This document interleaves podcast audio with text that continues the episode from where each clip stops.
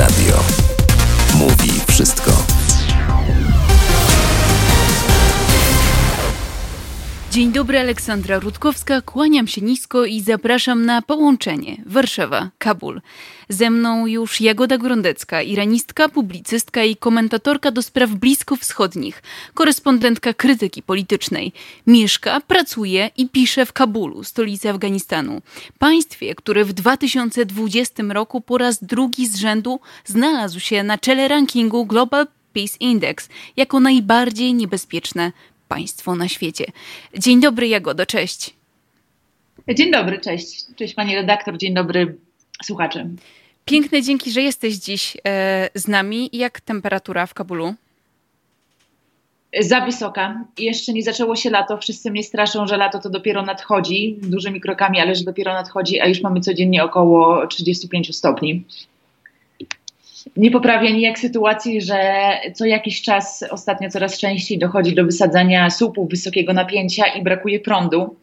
E, no więc możecie sobie Państwo wyobrazić, jak się żyje właśnie w takim upale, na przykład bez działającej lodówki.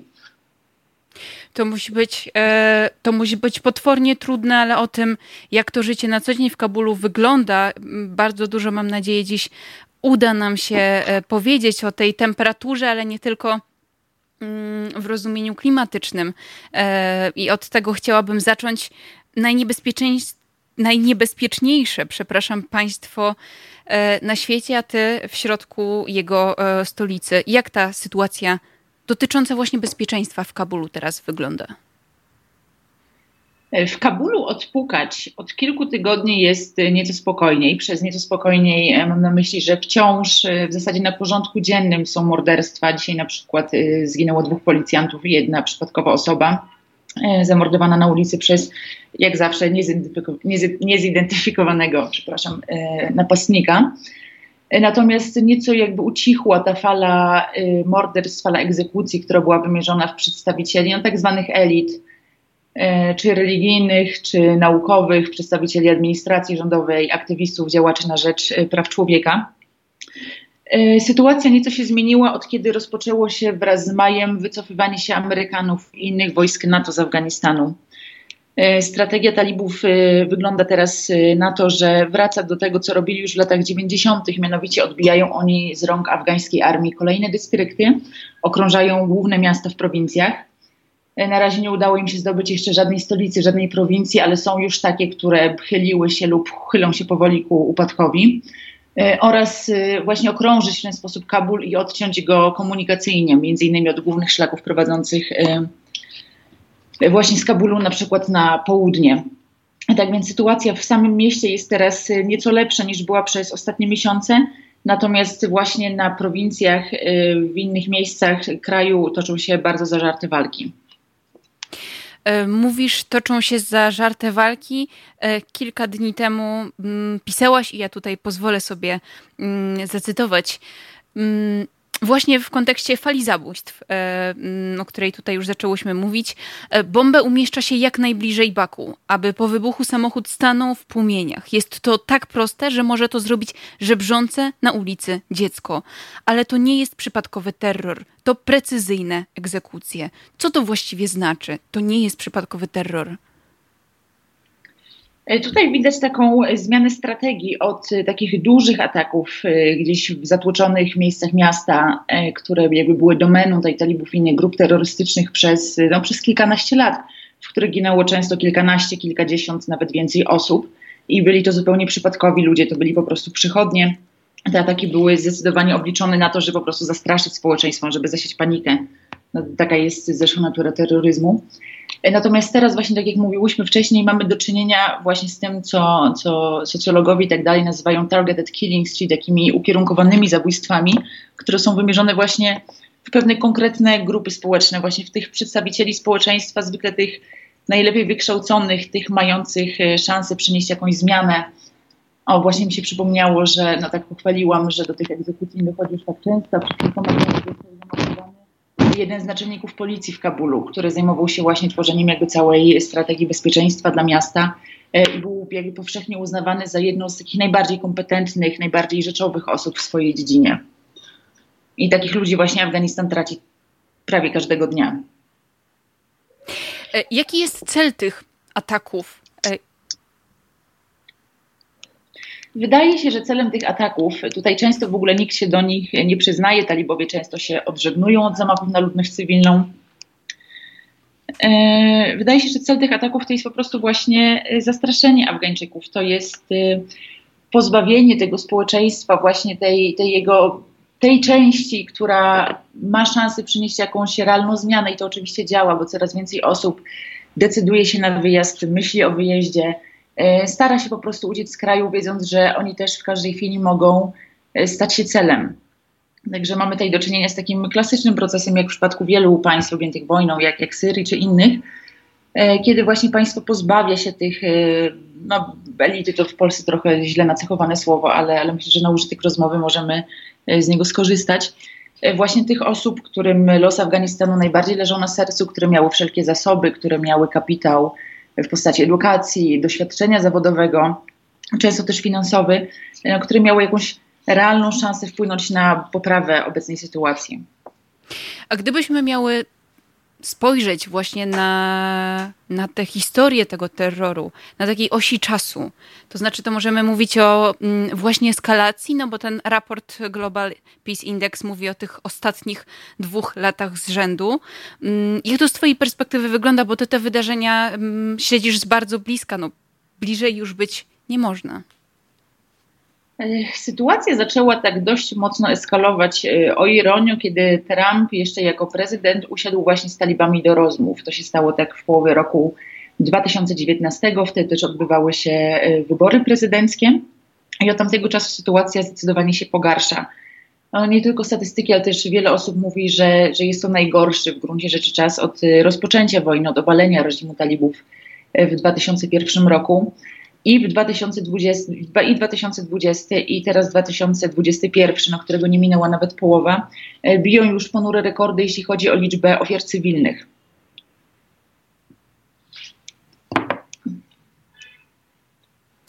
E, Jagodo, i to, co a gdybyśmy skupiły się na tym, co jest, e, co jest teraz, bo robimy taką, taką oś czasu, ty wspomniałaś na samym początku, mm, że porównuje się tę sytuację obecną do tej w latach 90. Tu wyciągam z osi czasu nam lata 90. Mm, gdybyśmy mogły to, to rozszerzyć, e, w jaki sposób, jak można byłoby te, te, te, te, ten, te punkty na osi czasu porównać? E, to, co jest zbliżone do sytuacji, którą mieliśmy w latach 90. po e, zakończeniu interwencji Związku Radzieckiego w Afganistanie, no wtedy w kraju panowała e, wojna domowa. Poszczególne części Afganistanu, poszczególne prowincje znajdowały się pod rządami konkretnych warlordów, którzy, którzy nawzajem się zwalczali, walczyli między sobą, co było oczywiście dla afgańskiego społeczeństwa bardzo krwawe i wyniszczające. I teraz również w obliczu tego, że właśnie amerykańskie wojska, wojska NATO się wycofują, e, ci dawni warlordowie, którzy często są w dalszym ciągu częścią e, elity politycznej oraz ich następcy, zaczęli na przykład na powrót się zbroić, co jest też dość ironiczne, bo Amerykanie wydali e, grube miliony dolarów na to, żeby ich rozbroić swojego czasu w ramach właśnie programu Disarmament and coś tam, natomiast teraz zbroją ich ponownie no, ludzie nie czują, że rząd jest w stanie ich obronić przed zagrożeniem, w związku z czym właśnie ci warlordowie, też zbijając za tym oczywiście kapitał polityczny, mówią, że to my staniemy w waszej obronie, e, to my uchronimy was przed e, talibami, czy, czy przed czymkolwiek właśnie e, nastąpi po wycofaniu się Amerykanów. I gdzie nie idzie dochodzi już, no są takie tereny kraju, nad którymi rząd ani rządowe siły w zasadzie nie sprawują żadnej kontroli. E, dochodzi także do e, starć między właśnie tymi warlordami a, siłami rządowymi. E, więc istnieje właśnie, oni organizują sobie już przemarsze przez centra dużych miast, jak Ismail Han w Heracie w kwietniu, mają swoich uzbrojonych zwolenników, więc po prostu istnieje ryzyko, że kiedy zabraknie tej, że kiedy zabraknie Amerykanów, że kiedy, że kiedy armia afgańska nie będzie miała już ich tak silnego wsparcia, jakie miała dotychczas, kraj może znowu po prostu e, no, potoczyć się w ten chaos, jaki miał miejsce w lat 90., kiedy będzie wiele małych ośrodków władzy zwalczających się nawzajem. A jak ta kwestia niebezpieczeństwa wpływa na afgańskie rodziny? Co ty od nich słyszysz? Co, co oni mówią? Jak to komentują? Czy to silnie na to codzienne życie wpływa i jak wpływa? Może podam tutaj taki przykład. Przed y, jakoś trzema, czterema tygodniami doszło do bardzo krwawego, brutalnego ataku na szkołę dla dziewcząt y, w takiej najbiedniejszej hazarskiej dzielnicy Kabulu, Daszte Barci, która jest zresztą przez ekstremistów, ze względu na to, że Hazarowie to szyici, czyli często właśnie ekstremiści sunnicy uważają ich w zasadzie za heretyków, których należy się pozbyć, y, która często była celem ataków. E, w tym e, liczba ofiar na ten moment wyniosła już ponad 100, z czego większość to są zdecydowanie właśnie te dziewczynki w wieku szkolnym, e, które kiedy właśnie doszło do eksplozji bomb umieszczonych w samochodach, wychodziły właśnie ze szkoły, kierowały się do domu. Kiedy rozmawiałam właśnie z ofiarami, które przeżyły z rodzinami tych rannych dziewczynek w szpitalu dzień po ataku, Wiele z nich mówiło niestety, że ich córka, kiedy już wróci do zdrowia, ani wręcz nikt inny z ich rodziny nie pójdzie już do szkoły, bo to jest po prostu zbyt niebezpieczne, bo rząd nie jest w stanie zapewnić im bezpieczeństwa. Więc oni wolą mieć dzieci niewykształcone, ale żywe. Myślę, że jest to coś, co każdy z nas, zwłaszcza rodzic, doskonale może zrozumieć. Podobnie zresztą rzecz ma się z całym trendem, jakim jest edukacja wśród dziewczynek. Rzeczywiście tutaj różne działania na przestrzeni ostatnich 20 lat przyniosły pewien wymierny skutek. Coraz więcej osób zaczęło widzieć potrzebę edukowania także córek, nie tylko synów, posyłania ich do szkoły, ale też jest wiele osób, które właśnie zdają sobie sprawę z tej potrzeby i chciałyby to robić, natomiast nie robią tego zwyczajnie dlatego, że to jest zbyt niebezpieczne. Że boją się, że ich córką coś mogłoby stać się czy w drodze do szkoły, która często jest po prostu bardzo daleko, E, czy w samej szkole, ponieważ e, ponad 40% afgańskich szkół nie mieści się nawet w budynkach, one nie mają e, muru, nie są ogrodzone, każdy może tam przyjść. W związku z czym rodzice do takich, do takich szkół swoich córek, zresztą synów niekiedy też, posyłać po prostu nie chcą. Podobnie ma z kobietami wykonującymi, bo jak zawsze takie rzeczy najbardziej skupiają się na kobietach, wykonującymi inne zawody. Niedawno zamordowano czwartą już w tym roku kobietę, dziennikarkę. E, wcześniej dokonano ataku na trzy dziennikarki stacji Anikias TV e, w Jalalabadzie. I stacja podjęła wtedy decyzję, po pierwsze, żeby nie zatrudniać więcej kobiet, bo to jest po prostu e, zbyt niebezpieczne, za bardzo je naraża. I niektóre dziennikarki też, czy odeszły z pracy same, czy, czy z własnej woli, czy też pod naciskiem rodziny. Rozmawiałam właśnie z jedną, która chciała pozostać anonimowa i która mówiła, że rodzina zwyczajnie nie pozwoliła już jej nadal chodzić do tej pracy. Więc jest możemy sobie wyobrazić, mm.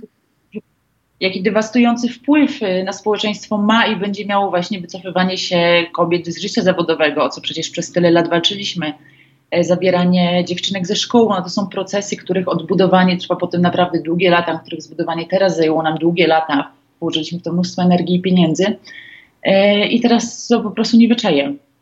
A obok tego jest potężna bieda, bo mm, w jednym z tekstów podkreślasz, że aż 13 milionów ludzi nie zjada nawet jednego posiłku dziennie w 38 ponad milionowym kraju. E, tak, a według różnych statystyk, tutaj są takie statystyki od 70% do według samego prezydenta Ashrafa Ganiego nawet 90%, e, ludności Afganistanu żyje za mniej niż 2 dolary dziennie. Czyli to jest, to jest często po prostu y, wegetacja, to jest takie minimum egzystencji.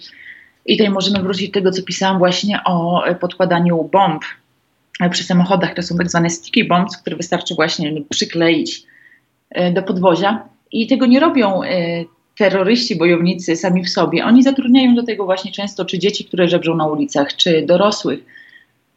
No, może wydawać nam się to okrutne, ale też możemy sobie wyobrazić, że jeśli ktoś zwyczajnie jest głodny, ma w domu głodne dzieci, ma rodzinę, której e, nie ma jak wyżywić, e, jest gigantyczne bezrobocie, nie ma szans na znalezienie pracy. Większość osób w Afganistanie jest zatrudniona w sektorze e, rolniczym, a mamy tutaj do czynienia z kolejną potężną suszą.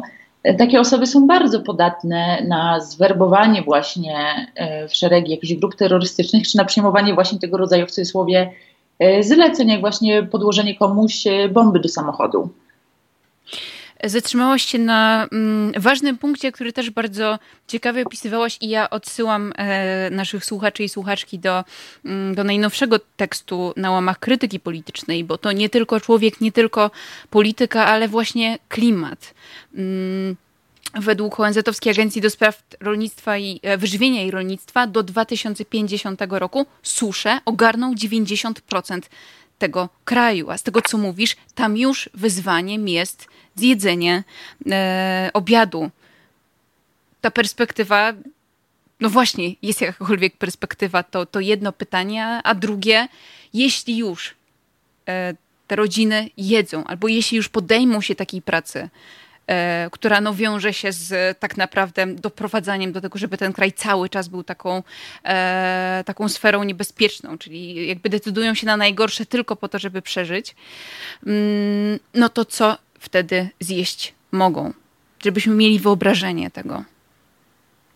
Tak, właśnie zmiany klimatu. Afganistan według ekspertów jest jednym z państw na świecie właśnie najbardziej narażonym na zgubne skutki zmian klimatu. No i jednocześnie jest oczywiście państwem, który zupełnie nie ma narzędzi, nie ma przygotowania, nie ma zasobów do tego, żeby z tymi skutkami jakkolwiek sobie radzić. E, susze nie są tutaj niczym nowym, one się pojawiały co jakiś czas w mniejszym czy większym natężeniu, e, tak średnio od e, przynajmniej 20 lat, od 20 lat coraz częściej. Natomiast obserwujemy bardzo niebezpieczny trend, kiedy one z czegoś, co zdarza się właśnie raz na kilka lat, raz na dwa lata, już niedługo może być zjawiskiem corocznym. A tak jak właśnie mówiłam, tutaj ponad 70% Afgańczyków tutaj prawie nie ma przemysłu, prawie nie ma usług poza jakimiś centrami dużych miast. Zdecydowana większość zatrudniona w rolnictwie. E, więc już teraz wiele z takich zdesperowanych osób, które, e, którym dosłownie z pragnienia padły zwierzęta, które straciły ziemię, nie mogą jej uprawiać, bo po prostu nie ma, nie ma wody, zimą w ogóle nie było śniegu, potem było bardzo mało deszczu one decydują się na migrowanie do, do miast, nie widząc dla siebie żadnej innej szansy. I tu podejmują się różnych zajęć. Tak jak wspomniałam, nawet w Kabulu pracy po prostu nie ma, więc te osoby często żyją na przykład ze zbierania złomu, jakiś, jakiś, jakiś miedzi, jakiś puszek, aluminium. W ten sposób zarabiają dziennie dosłownie parę groszy, to jest dosłownie kilka złotych. I często jest to jedna osoba w rodzinie, która musi utrzymać kilka osób, w tym kilkoro dzieci albo właśnie część z nich pada, pada właśnie ofiarą różnych grup terrorystycznych, różnych grup przestępczych, bo tu nie mówimy tylko o terrorystach, istnieje też również po prostu przestępczość zorganizowana, która też jest e, bardzo wysoka, e, między innymi w Kabulu. E, więc robią co mogą, żeby przeżyć, ale to na pewno będzie dla nich coraz trudniejsze. Z tego, co, mhm. z tego, co mówisz, to ten wybór pracy mm, to jest taki wybór jakiejś formy przetrwania, ale zastanawiam się czasem, jak rozmawiasz właśnie z Afgańczykami czy Afgankami, e, zwłaszcza tego mm, jakby równolatkami, o tak, takimi, którzy powiedzmy, tak jak, e, tak jak wielu młodych, trochę starszych ludzi, dopiero gdzieś tam kształtuje swoje wyobrażenia o przyszłości. E, przyszłość w kraju, o którym gdzieś mówimy, jest, e, jest mętna, jest niepewna, jest raczej e, nie napawająca optymizmem. Czy w nich jeszcze jest takie, e, takie, takie poczucie albo są mm, działania, które podejmują, żeby, mm, no żeby myśleć o jakichś zawodach, które nie wiążą się tylko z przetrwaniem, o tak? Oczywiście w każdym kraju, nawet w Afganistanie, są pewne elity, są, są osoby z rodzin, które, które mają jakieś zasoby finansowe zdobyte w taki czy inny sposób. E, te osoby mają na pewno większy wybór, jeśli chodzi o ścieżkę kariery. Część z nich nawet e, odbyła na przykład studia za granicą, po czym wróciła do Afganistanu, żeby jednak pracować tutaj, e, między innymi dla rządu, które wierzą w pewien sposób, że mogą swoją pracą poprawić, poprawić sytuację, natomiast one też no, są ofiarami bardzo dużej niepewności, która obecnie panuje. Z drugiej strony to są akurat osoby, które wiedzą, że gdyby sytuacja e, bardzo się pogorszyła, to one mają możliwości, mają środki, żeby starać się na przykład właśnie o wyjazd za granicę. No, niestety większość Afgańczyków e, nie może nawet o tym pomarzyć. E, więc tak, osoby z takiej klasy średniej, wyższej, klasy, klasy wyższej, oczywiście w niektórych jest pewna nadzieja co do przyszłości Afganistanu. Pracują właśnie w sektorze publicznym na jego rzecz, E, natomiast też, tak jak mówiłam, coraz więcej osób, e, zwłaszcza tych, którzy, które założyły już rodziny, myśli coraz poważniej o, o wyjeździe ze względu po prostu na nie tylko na brak perspektyw, ale no przede wszystkim zwyczajnie na takie proste, codzienne bezpieczeństwo. Mówią ci, gdzie najchętniej, gdzie widzą tę perspektywę, tę przestrzeń? Dla wielu Afgańczyków bardzo atrakcyjnym kierunkiem jest Turcja. No, Turcja nie jest bardzo daleko, to jest raptem 5 godzin, niecałe 5 godzin lotu z Kabulu do Stambułu. W Turcji także, jeśli kupi się nieruchomość, no, przypomnę, że tutaj mówimy o osobach, które powiedzmy, że stać na to, żeby nie, mhm. taką nieruchomość w Stambule nabyć, uzyskuje się od razu prawo stałego pobytu. E, co jest no, dużo wygodniejszym procesem niż w jakimkolwiek europejskim na przykład y, kraju, gdzie przecież o, najpierw o azyl, potem właśnie o taką o prawo pobytu i tak dalej. E, Afgańczycy czy inne osoby muszą starać się wiele, wiele lat. E, no plus Turcja jest oczywiście niejako bliska, bliska kulturowo Afganistanowi, na pewno bliższa niż y, zachodnia Europa, więc to jest taki dość popularny kierunek. E, sporo Afgańczyków, e, na przykład pochodzenia właśnie uzbeckiego czy tadżyckiego, ma jakąś rodzinę właśnie w takim Uzbekistanie czy Tadżykistanie, w związku z czym to jest dla nich kolejny e, naturalny kierunek migracji.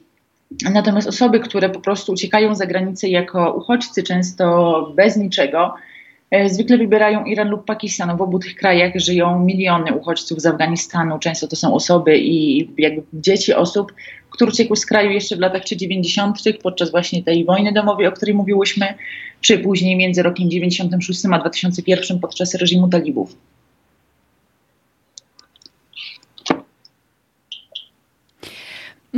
Wspomniałyśmy o tej niepewności, a tak naprawdę to nie, ta niepewność oczywiście mm, rozumiana w różny sposób, w różnym stopniu, w zależności od części świata, wiąże się niejako z rokiem 2000 20 i chciałabym na chwilę też zatrzymać się na, e, na tym, w jaki sposób Afganistan mierzył się z pandemią. Czy to jest jedno z wielu plag, wielu, wielu problemów aż tak niedostrzegalnych, czy jednak, e, mm, czy jednak pandemia tę sytuację wyraźnie spotęgowała? Bo oficjalnie czytamy, że ponad 80 tysięcy zakażeń w Afganistanie, ponad 3000 zgonów. To to są te oficjalne dane. Jak to wygląda w praktyce? No to są statystyki na pewno wielo, wielokrotnie zaniżone. Myślę, że może nawet kilkadziesiąt razy. Z tego prostego powodu, że w Afganistanie robi się no, śmiesznie mało testów. To często spotykałam się z takimi liczbami w stylu 250 testów dziennie na cały kraj. To było podczas szczytu pandemii, nie w czasie jakiegoś e, odwrotu wirusa. E, teraz e, obserwujemy trzecią falę jest ona związana przypuszczalnie z tą indyjską odmianą wirusa. Sporo Afgańczyków y, udaje się co jakiś czas do Indii, czy tam ma jakąś rodzinę, ma, ma kontakt z osobami, które stamtąd y, przylatują. Rozmawiałam właśnie z dyrektorem Afghan Japan Hospital w Kabulu, który jako jedyny w Kabulu ma taki publiczny oddział covidowy i miał go jako, jako pierwszy, który mówił, że niestety ani jego laboratorium, ani też żadne inne w Afganistanie nie ma możliwości sprawdzenia y, u pacjentów, czy to jest właśnie ta indyjska nowa odmiana wirusa, czy nie, ale mówi, że sądząc po tym, jak szybko się ten wirus rozprzestrzenia w porównaniu do tych poprzednich fal y, epidemii w Afganistanie, y, jest przekonany, że to jest właśnie ta sytuacja. Jak możemy sobie wyobrazić w Afganistanie, tutaj w ubiegłym roku, właśnie kiedy, kiedy mierzyliśmy się w ogóle jako świat z pierwszą falą pandemii, czyli tak w marcu, kwietniu 2020, Rząd owszem wprowadził lockdown, no, pozamykano te restauracje, kawiarnie w Kabulu. Natomiast no, ludzi, którzy pracują, żeby przeżyć z dnia na dzień, żeby właśnie zebrać e, trochę aluminium albo żeby sprzedać e, cokolwiek na ulicy, e, nie da się zamknąć w domu. Oni i tak stąd wyjdą. Nie ma, nie ma żadnej szansy, żeby im tego zakazać. Część z nich, bo oczywiście jest niezwykle niska świadomość społeczna, jeśli chodzi o samą chorobę, więc część z nich w ogóle w pandemię nie wierzy. No, zresztą nie powinien być nam to pogląd e, całkiem obcy. E, część z nich nie uważa, żeby COVID był aż tak groźny, jak to się maluje, mimo tego, że widzę, że coraz więcej osób już zna, ma w swoim najbliższym otoczeniu kogoś, kto właśnie albo chorował i ciężko tę chorobę przeszedł, albo, albo nawet zmarł.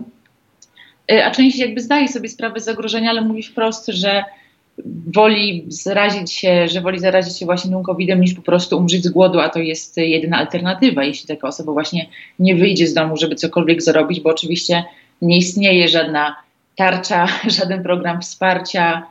E, rząd nie jest w stanie, również nie ma zasobów, żeby prowadzić taką e, politykę i żeby jakkolwiek właśnie te osoby podczas pandemii wesprzeć. O teraz właśnie tak jak mówię, mamy lekarze mówią o szczycie właśnie trzeciej fali, chociaż sytuacja z dnia na dzień w zasadzie drastycznie się pogarsza, bardzo szybko pikują właśnie liczby i zarażonych, i zgonów. Natomiast żadne obostrzenia praktycznie nie istnieją. Wszystkie lokale są otwarte, Kabulczycy nadal się w nich tłoczą, no nie wspominając, co się dzieje na samych ulicach. Nie obserwuje się praktycznie, żeby ktokolwiek nosił maseczki. No powiedziałabym, jak mijając właśnie ludzi na ulicy, że jest może jakaś jedna osoba na, na 100.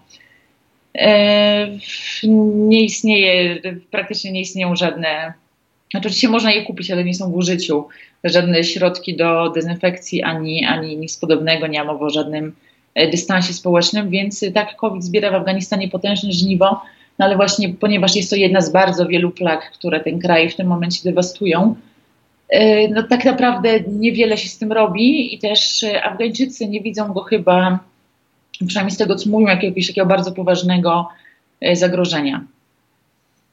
Czyli takich, takich samodzielnych decyzji o, o izolacji, o ostrożności e, nie ma. To się wiąże też z, z trudną sytuacją e, ekonomiczną.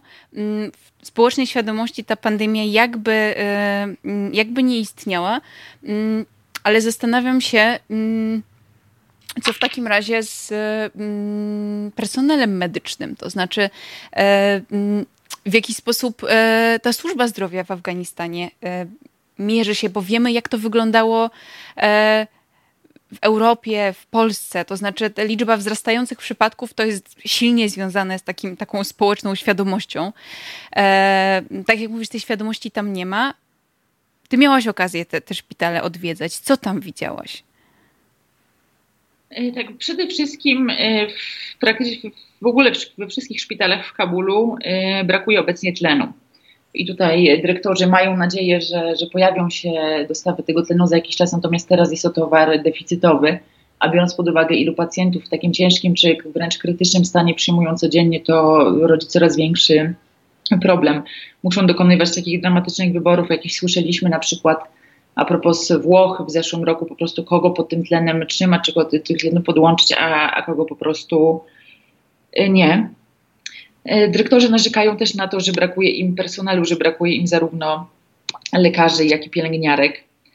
Y, póki co w szpitalach są jeszcze wolne miejsca, natomiast no właśnie sytuacja rozwija się bardzo dynamicznie, ale tutaj też mowa o stolicy, a bardzo wiele osób żyje w, w takich regionach kraju, gdzie do najbliższego szpitala mają na przykład kilka godzin piechotą czy jazdę osiołkiem, więc które praktycznie nie mają żadnej możliwości skorzystać w ogóle e, z jakiejkolwiek opieki lekarskiej, pomocy medycznej, która jeszcze przed pandemią w Afganistanie i tak już była e, bardzo niewydolna no i na po prostu bardzo, bardzo niskim poziomie. No i to na pewno właśnie w połączeniu z brakiem świadomości społecznej, także wśród osób wykształconych, które wiedzą, e, co się dzieje w świecie, no tak jak powiedziałaś, tu nie ma absolutnie żadnych sytuacji typu ktoś samodzielnie decyduje się na izolację, czy na przynajmniej jakiekolwiek e, ograniczenie tych kontaktów. Na pewno spoczywa dużo odpowiedzialności za sytuację spotyka na e, rządzie, który nie prowadził jakby żadnej skutecznej kampanii w tym zakresie. Wielokrotnie można wręcz usłyszeć Afgańczyków żartujących, a przynajmniej do niedawna można było, bo teraz każdy już widzi, że sytuacja staje się coraz poważniejsza żartujących, że w Afganistanie nie ma COVID-u, e, że, że w ogóle Afganistan nie ma tego e, problemu z pandemią, no bo po prostu nie ma takiej społecznej świadomości, bo nie robi się testów, bo społeczeństwo się nie informuje, e, bo osoby nie wiedzą nawet, że mogą się zaszczepić i dokąd mogą pójść w tym celu. Właśnie, na, tym, na tych szczepieniach za chwilę się zatrzymamy, bo wiem, że ty już jesteś po pierwszej dawce, nie wiem czy po drugiej, to zaraz cię dopytam, ale jeszcze mm, jedna, jedna, jedna rzecz. Mm, każde państwo ma swoje teorie spiskowe, jeśli chodzi o szczepienia. Jestem ciekawa, czy właśnie w Kabulu dosłyszałaś być może takowe bo każdy rzeczywiście w zależności od punktu świata troszeczkę, mm, troszeczkę inne. My także w, w Europie dość silnie, mm, nie, nie, nie, chcąc promować oczywiście tych teorii, ale, ale z pełną ciekawością, czy, czy to jest kwestia tego, nie, to nie istnieje, czy raczej dopatrywania się drugiego dnia e, i zła w tychże szczepionkach. Tak, Afganistan nie jest tutaj zdecydowanie wyjątkiem, jeśli chodzi o teorie spiskowe.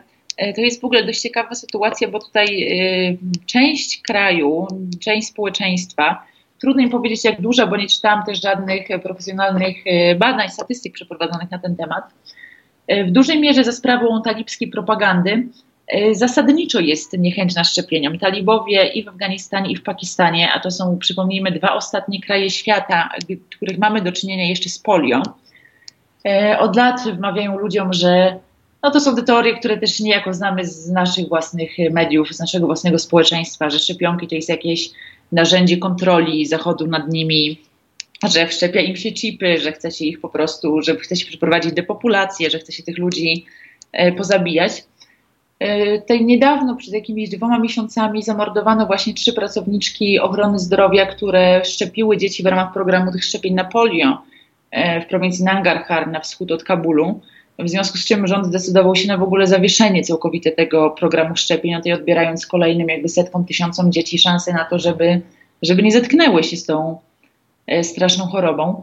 Więc oczywiście no, te mity dotyczące szczepionek e, jako takich w ogólności przylgnęły także wśród części osób do, do szczepionek na COVID.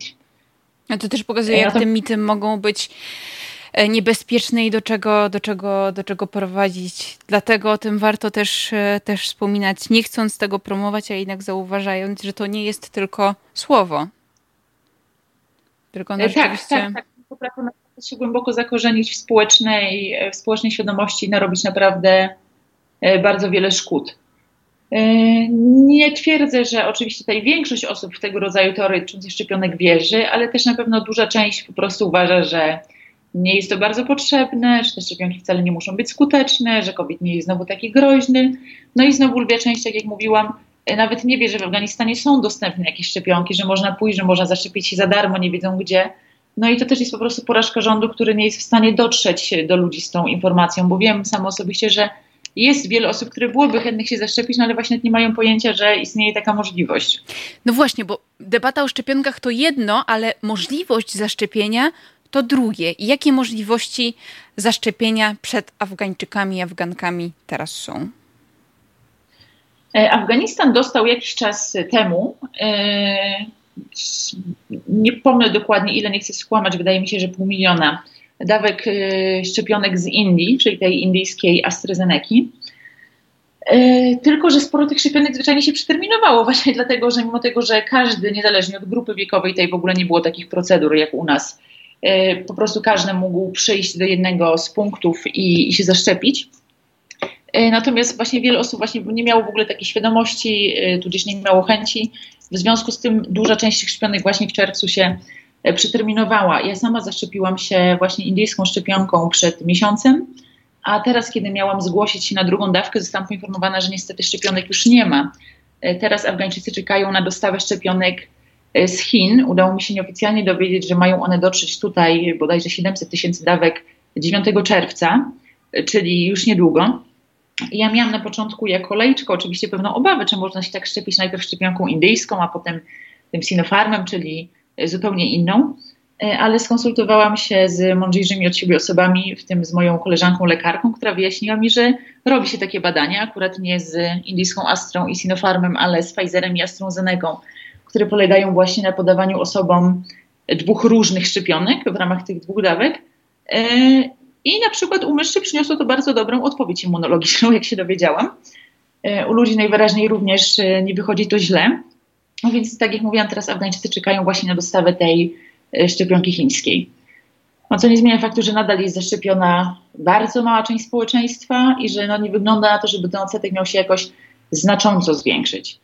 Bo też właśnie w Kabulu, czy ewentualnie w Heracie, czy w Mazar, czy w jakimś innym dużym mieście osoby po prostu mogą podejść czy podjechać do szpitala Natomiast jest bardzo wiele osób, do których ta szczepionka po prostu nie jest w stanie dotrzeć, bo ona musi być przechowywana w odpowiednich warunkach, bo szpital jest daleko, e, bo po prostu linie frontu przebiegają między nimi a jakimkolwiek e, właśnie ośrodkiem zdrowia czy szpitalem. I one po prostu nie mają fizycznie możliwości jej uzyskać, więc na pewno też będzie jakby bardzo duże wyzwanie dla afgańskiego rządu, żeby mimo wszystko jakoś ten program szczepień, mimo tych wszystkich trudności e, zrealizować. Bardzo obrazowe jest to zestawienie linii frontu z dostępem, ograniczonym dostępem do, do, do ośrodków zdrowia, bo pandemia jest e, wyzwaniem, jest jednym z wyzwań, no właśnie chyba niekoniecznie kluczowych, na pewno nie, nie w świadomości Afgańczyków i Afganek. I, y, o niektórych już zdążyłyśmy wspomnieć, ale chciałabym, żebyśmy y, zebrały. Y, co jest kluczem, jakby te, te kluczowe problemy roku 2021, które, które stoją przed tym krajem najniebezpieczniejszym na świecie, to?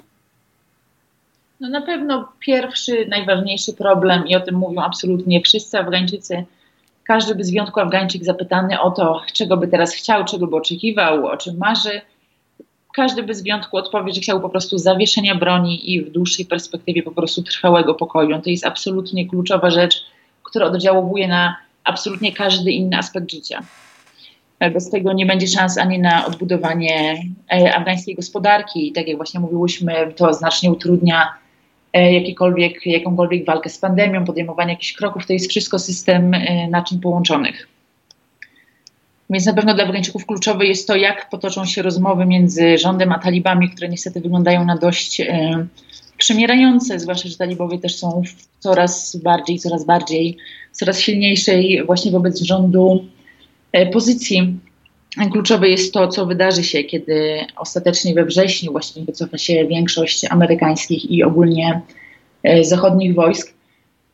E, no, to jest coś, na co, na co wszyscy czekają. E, bardzo czekają właśnie na odpowiedzi, jak, jaki scenariusz się wtedy zrealizuje, bo bardzo ciężko jest tak naprawdę przewidzieć, jak, jak to wszystko się potoczy. I to są te scenariusze, które mm, dzięki temu, że ty jesteś na miejscu, my będziemy mogli. E, my będziemy mogli o nich czytać, będziemy mogli mm, ich słuchać, bo tak naprawdę dajesz nam dostęp do świata, mm, o którym byśmy mm, pewnie nie usłyszeli. Na pewno nie moglibyśmy być tak bardzo, e, bardzo blisko i to jest potężne zobowiązanie, tak sobie myślę, i też wielka odwaga. E, I zastanawiam się, jak taka twoja praca pozyskiwaniu tych historii, tych opowieści, które publikujesz e, i w social mediach, i na łamach e, e, poszczególnych redakcji, m, mm, którymi dzielisz się właśnie w rozmowach takich jak te, w jaki sposób ta twoja praca na miejscu wygląda i jak no ona musi być dostosowana do ekstraordynaryjnych warunków, bo tak naprawdę wychodząc każdego dnia w jakiejś mierze, mm, w dużej mierze, rzekłabym nawet, ryzykujesz no tak, to jest coś, o czym staram się po prostu na co dzień nie myśleć. Skupiam się po prostu na zachowywaniu e, takich podstawowych, znaczy nieco wzmożonych względem innych miejsc e, środków ostrożności. Natomiast też e, jakby staram się być ostrożna z opowiadaniem się na temat jakby mojej pracy w kontekście tego, jak bardzo jest ona czy nie jest niebezpieczna, pamiętając o tym, że ja jestem i tak w niezwykle uprzywilejowanej wobec 99% osób, jakie tutaj znam pozycji. E, ponieważ po pierwsze mam zasoby, żeby zapewnić sobie nieco większe środki bezpieczeństwa niż zdecydowana większość Afgańczyków. E, po drugie, przede wszystkim w każdej chwili, jeśli sytuacja na przykład ulegnie znaczną pogorszeniu, mogę po prostu spakować się i wyjechać, e, czego właśnie znakomita większość Afgańczyków zrobić nie może. Raz zrobiło mi się wręcz tak głupio, bo byłam na przełomie kwietnia i maja przez dwa tygodnie w Polsce, bo miałam po prostu taką dużą potrzebę, żeby trochę odpocząć. Byłam bardzo psychicznie zmęczona. I kiedy wróciłam, zorganizowałam taki babski wieczór dla siebie i dla koleżanek. I tak właśnie e, siedziałyśmy, piłyśmy sobie jakieś drinki, ja im się właśnie zwierzyłam, jak ja bardzo potrzebowałam tego wyjazdu, jaka byłam psychicznie zmęczona, jaka jestem teraz e, odświeżona po powrocie. E, na co jedna z nich tak dość gorzko zauważyła, że mam szczęście, że mam w ogóle dokąd wyjechać. I pomyślałam, że rzeczywiście jest to pewien brak wrażliwości z mojej strony, żeby właśnie w rozmowach z osobami, które które na pewno też by tego chciały, ale one po prostu mhm. E, nie mogą, takiej możliwości nie mają, e, no, że właśnie mówić o tym e, w taki sposób. Więc myślę, że to jednak zdecydowanie bardziej zobowiązanie niż, niż, niż odwaga. Masz tak, możliwość tak, wyjechać, ale wjechać zdecydowałaś się sama. Pytanie dlaczego? Dlaczego to miejsce?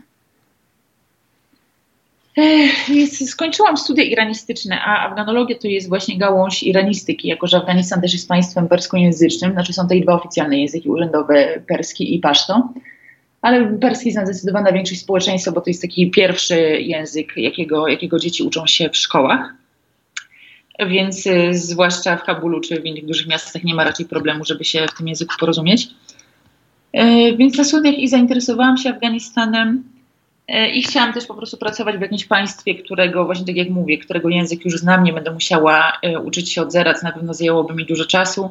No, praca w Afganistanie nie wchodziła raczej w grę, bo tam trudno jest dostać akredytacji nawet dziennikarzom dużych, rozpoznawalnych agencji prasowych, co dopiero freelancerom, więc są takie względy praktyczne. E, ale też w miarę zainteresowania tą częścią świata zaczęłam odkrywać, jak bardzo to, co rozpoczęło tę wojnę w Afganistanie, e, a przecież to był zamach 11 września, e, wpłynęło na to, jak wygląda nasz świat dzisiaj, jak wygląda Europa, jak wyglądają Stany Zjednoczone, po prostu jak wygląda, jak wygląda nasze życie. I odkryłam, że zostało to jakoś nieco zapomniane, że o tej wojnie już w zasadzie się nie mówi, a jest obecnie najbardziej krwawa wojna, w której ginie najwięcej osób E, przed Syrią, przed Irakiem, przed e, Jemenem. E, I oczywiście wiadomo, że nie chodzi o to, żeby jakoś tutaj licytować się na ludzkie życie, bo każda wojna jest po prostu tragedią. Ale żeby o żadnej nie zapominać. Zniknęła tak z, gdzieś z naszych radarów, praktycznie zniknęła z mediów co jakiś czas. Pojawiają się tylko gdzieś spisane z zachodnich agencji newsy, że był jakiś taki większy wybuch tu albo, albo większy zamach tam. E, a pomyślałam, że właśnie jednak to, co się dzieje w Afganistanie, może się wydawać, że pozostaje bez związku, ale ma związek z tym, co dzieje się e, w Europie. Być może będzie miało jeszcze większy. Wciąż nie wiemy, co się wydarzy. Właśnie po wycofaniu się Amerykanów, talibowie mieli przestać współpracować z Al-Kaidą, to była część ich e, umowy z Amerykanami. Natomiast mamy już teraz liczne dowody na to, że wcale nie przystali. Więc mamy tu Al-Kaidę, mamy tutaj państwo islamskie. Mamy cały, cały szereg e, ekstremistów z całego świata, którzy są gotowi znaleźć się znowu bezpieczne schronienie, tak jak to było właśnie w latach 90., e, kiedy reżim talibów zaczął gościć e, Osama Bin Ladena, no co miało właśnie dla nas, do świata zachodniego, bardzo tragiczne skutki. Więc myślę, że warto jednak trzymać rękę na pulsie dla dobra i dla dobra naszego i że pamiętać jednak o, o tragedii Afgańczyków, do której przecież wszyscy niejako przyłożyliśmy rękę. Jako Polska też jesteśmy częścią tej interwencji, o której no, możemy powiedzieć już spokojnie po tych 20 latach, że była po prostu interwencją e, nieudaną, że ponieśliśmy porażkę, że wycofujemy się stąd, tylko że z znacznie mniejszym zainteresowaniem opinii publicznej, e, jak Amerykanie z Wietnamu, nie zostawiając za sobą w zasadzie niczego. Oczywiście dokonaliśmy pewnych zmian przez te dwie dekady. Tutaj można dyskutować, czy to są zmiany, które były jakby, które były warte tych bilionów dolarów, które zapłaciliśmy. No natomiast też nasza interwencja miała zdecydowanie w różnych sferach, między innymi jeśli chodzi o zbudowanie niesamowitej e, na każdym szczeblu istniejącej korupcji, miała też bardzo wiele negatywnych skutków. E, I myślę, że też warto pamiętać, pamiętać właśnie o tym i, i jakoś z tego rozliczyć. A tę cenę najwyższą płacą właśnie afgańskie rodziny to są te kobiety, które bojąc się mm, tego, że zginą, nie idą do szkoły, nie będą mogły kiedyś e, tych narzędzi, które daje edukacja, wykorzystywać w przyszłości. Więc my niejako rzeczywiście uderzyliśmy, uderzamy tak naprawdę w przyszłość, nie tylko w teraźniejszość.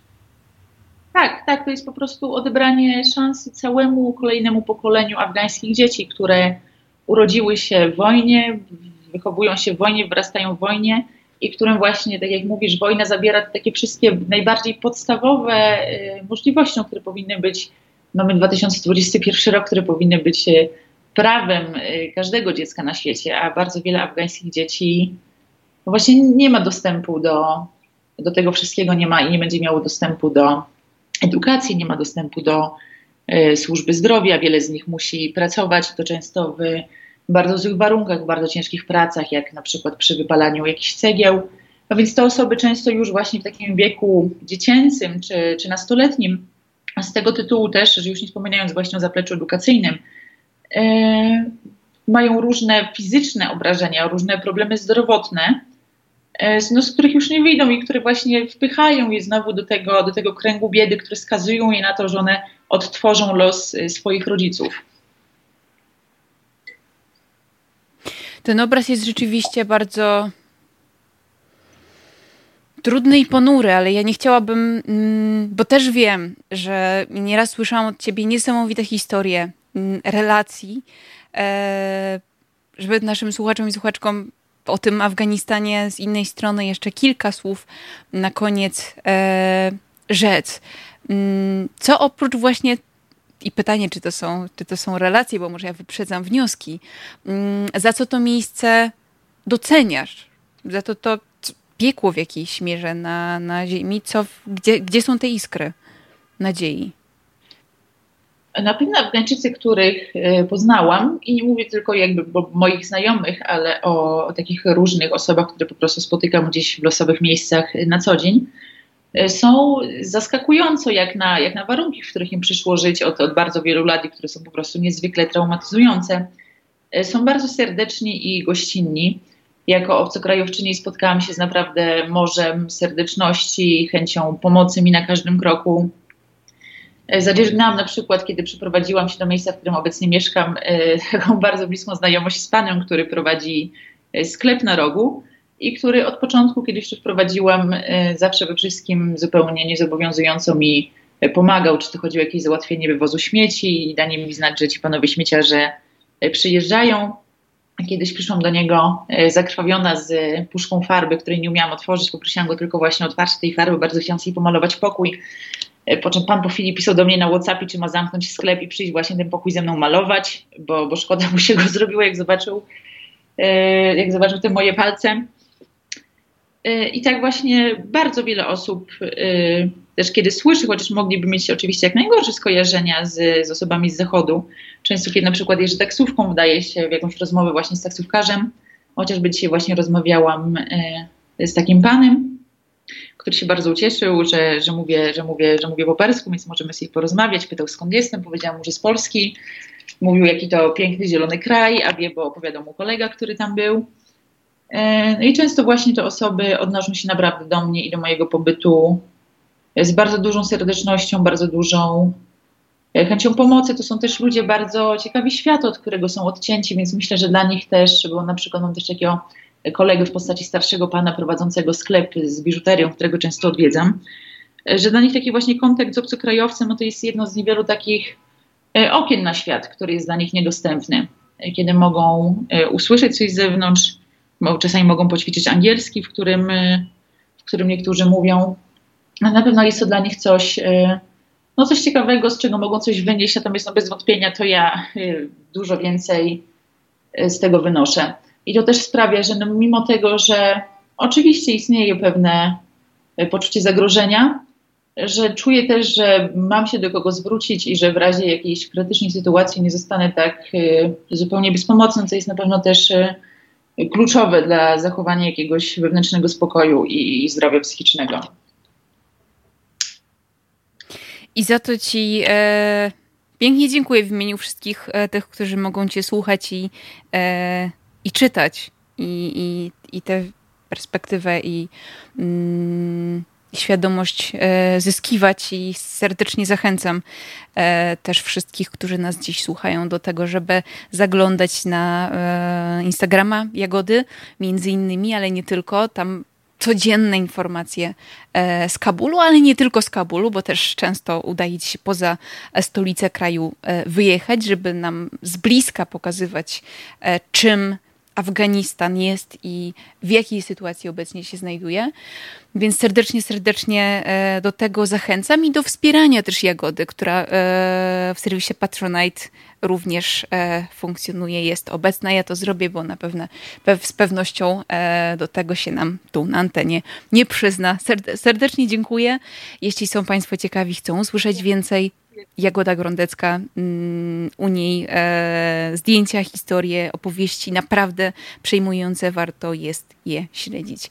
A ja dziękuję Ci, Jagodo, za to nasze spotkanie, mm, znalezienie czasu w gorącym, e, mm, gorącym kabulskim popołudniem. U Ciebie jest już godzina 18? Po 18 po godzinie 18 nie mówimy którego dnia, bo, mm, bo audycji słuchać możemy e, szczęśliwie nie tylko dnia jednego, ale jest rozmowa nasza po 18, po 16 polskiego czasu się, się odbywa. U nas też dość, e, dość gorąco, mm, ale my pamiętajmy o tym, jak uprzywilejowani jesteśmy i jak z tym gorącem e, wciąż jeszcze narzędzia do tego mamy mierzyć się możemy. Jagodo, nie mówiąc już więcej, dziękuję Ci bardzo po prostu za to spotkanie nasze. Mam nadzieję nie ostatnie.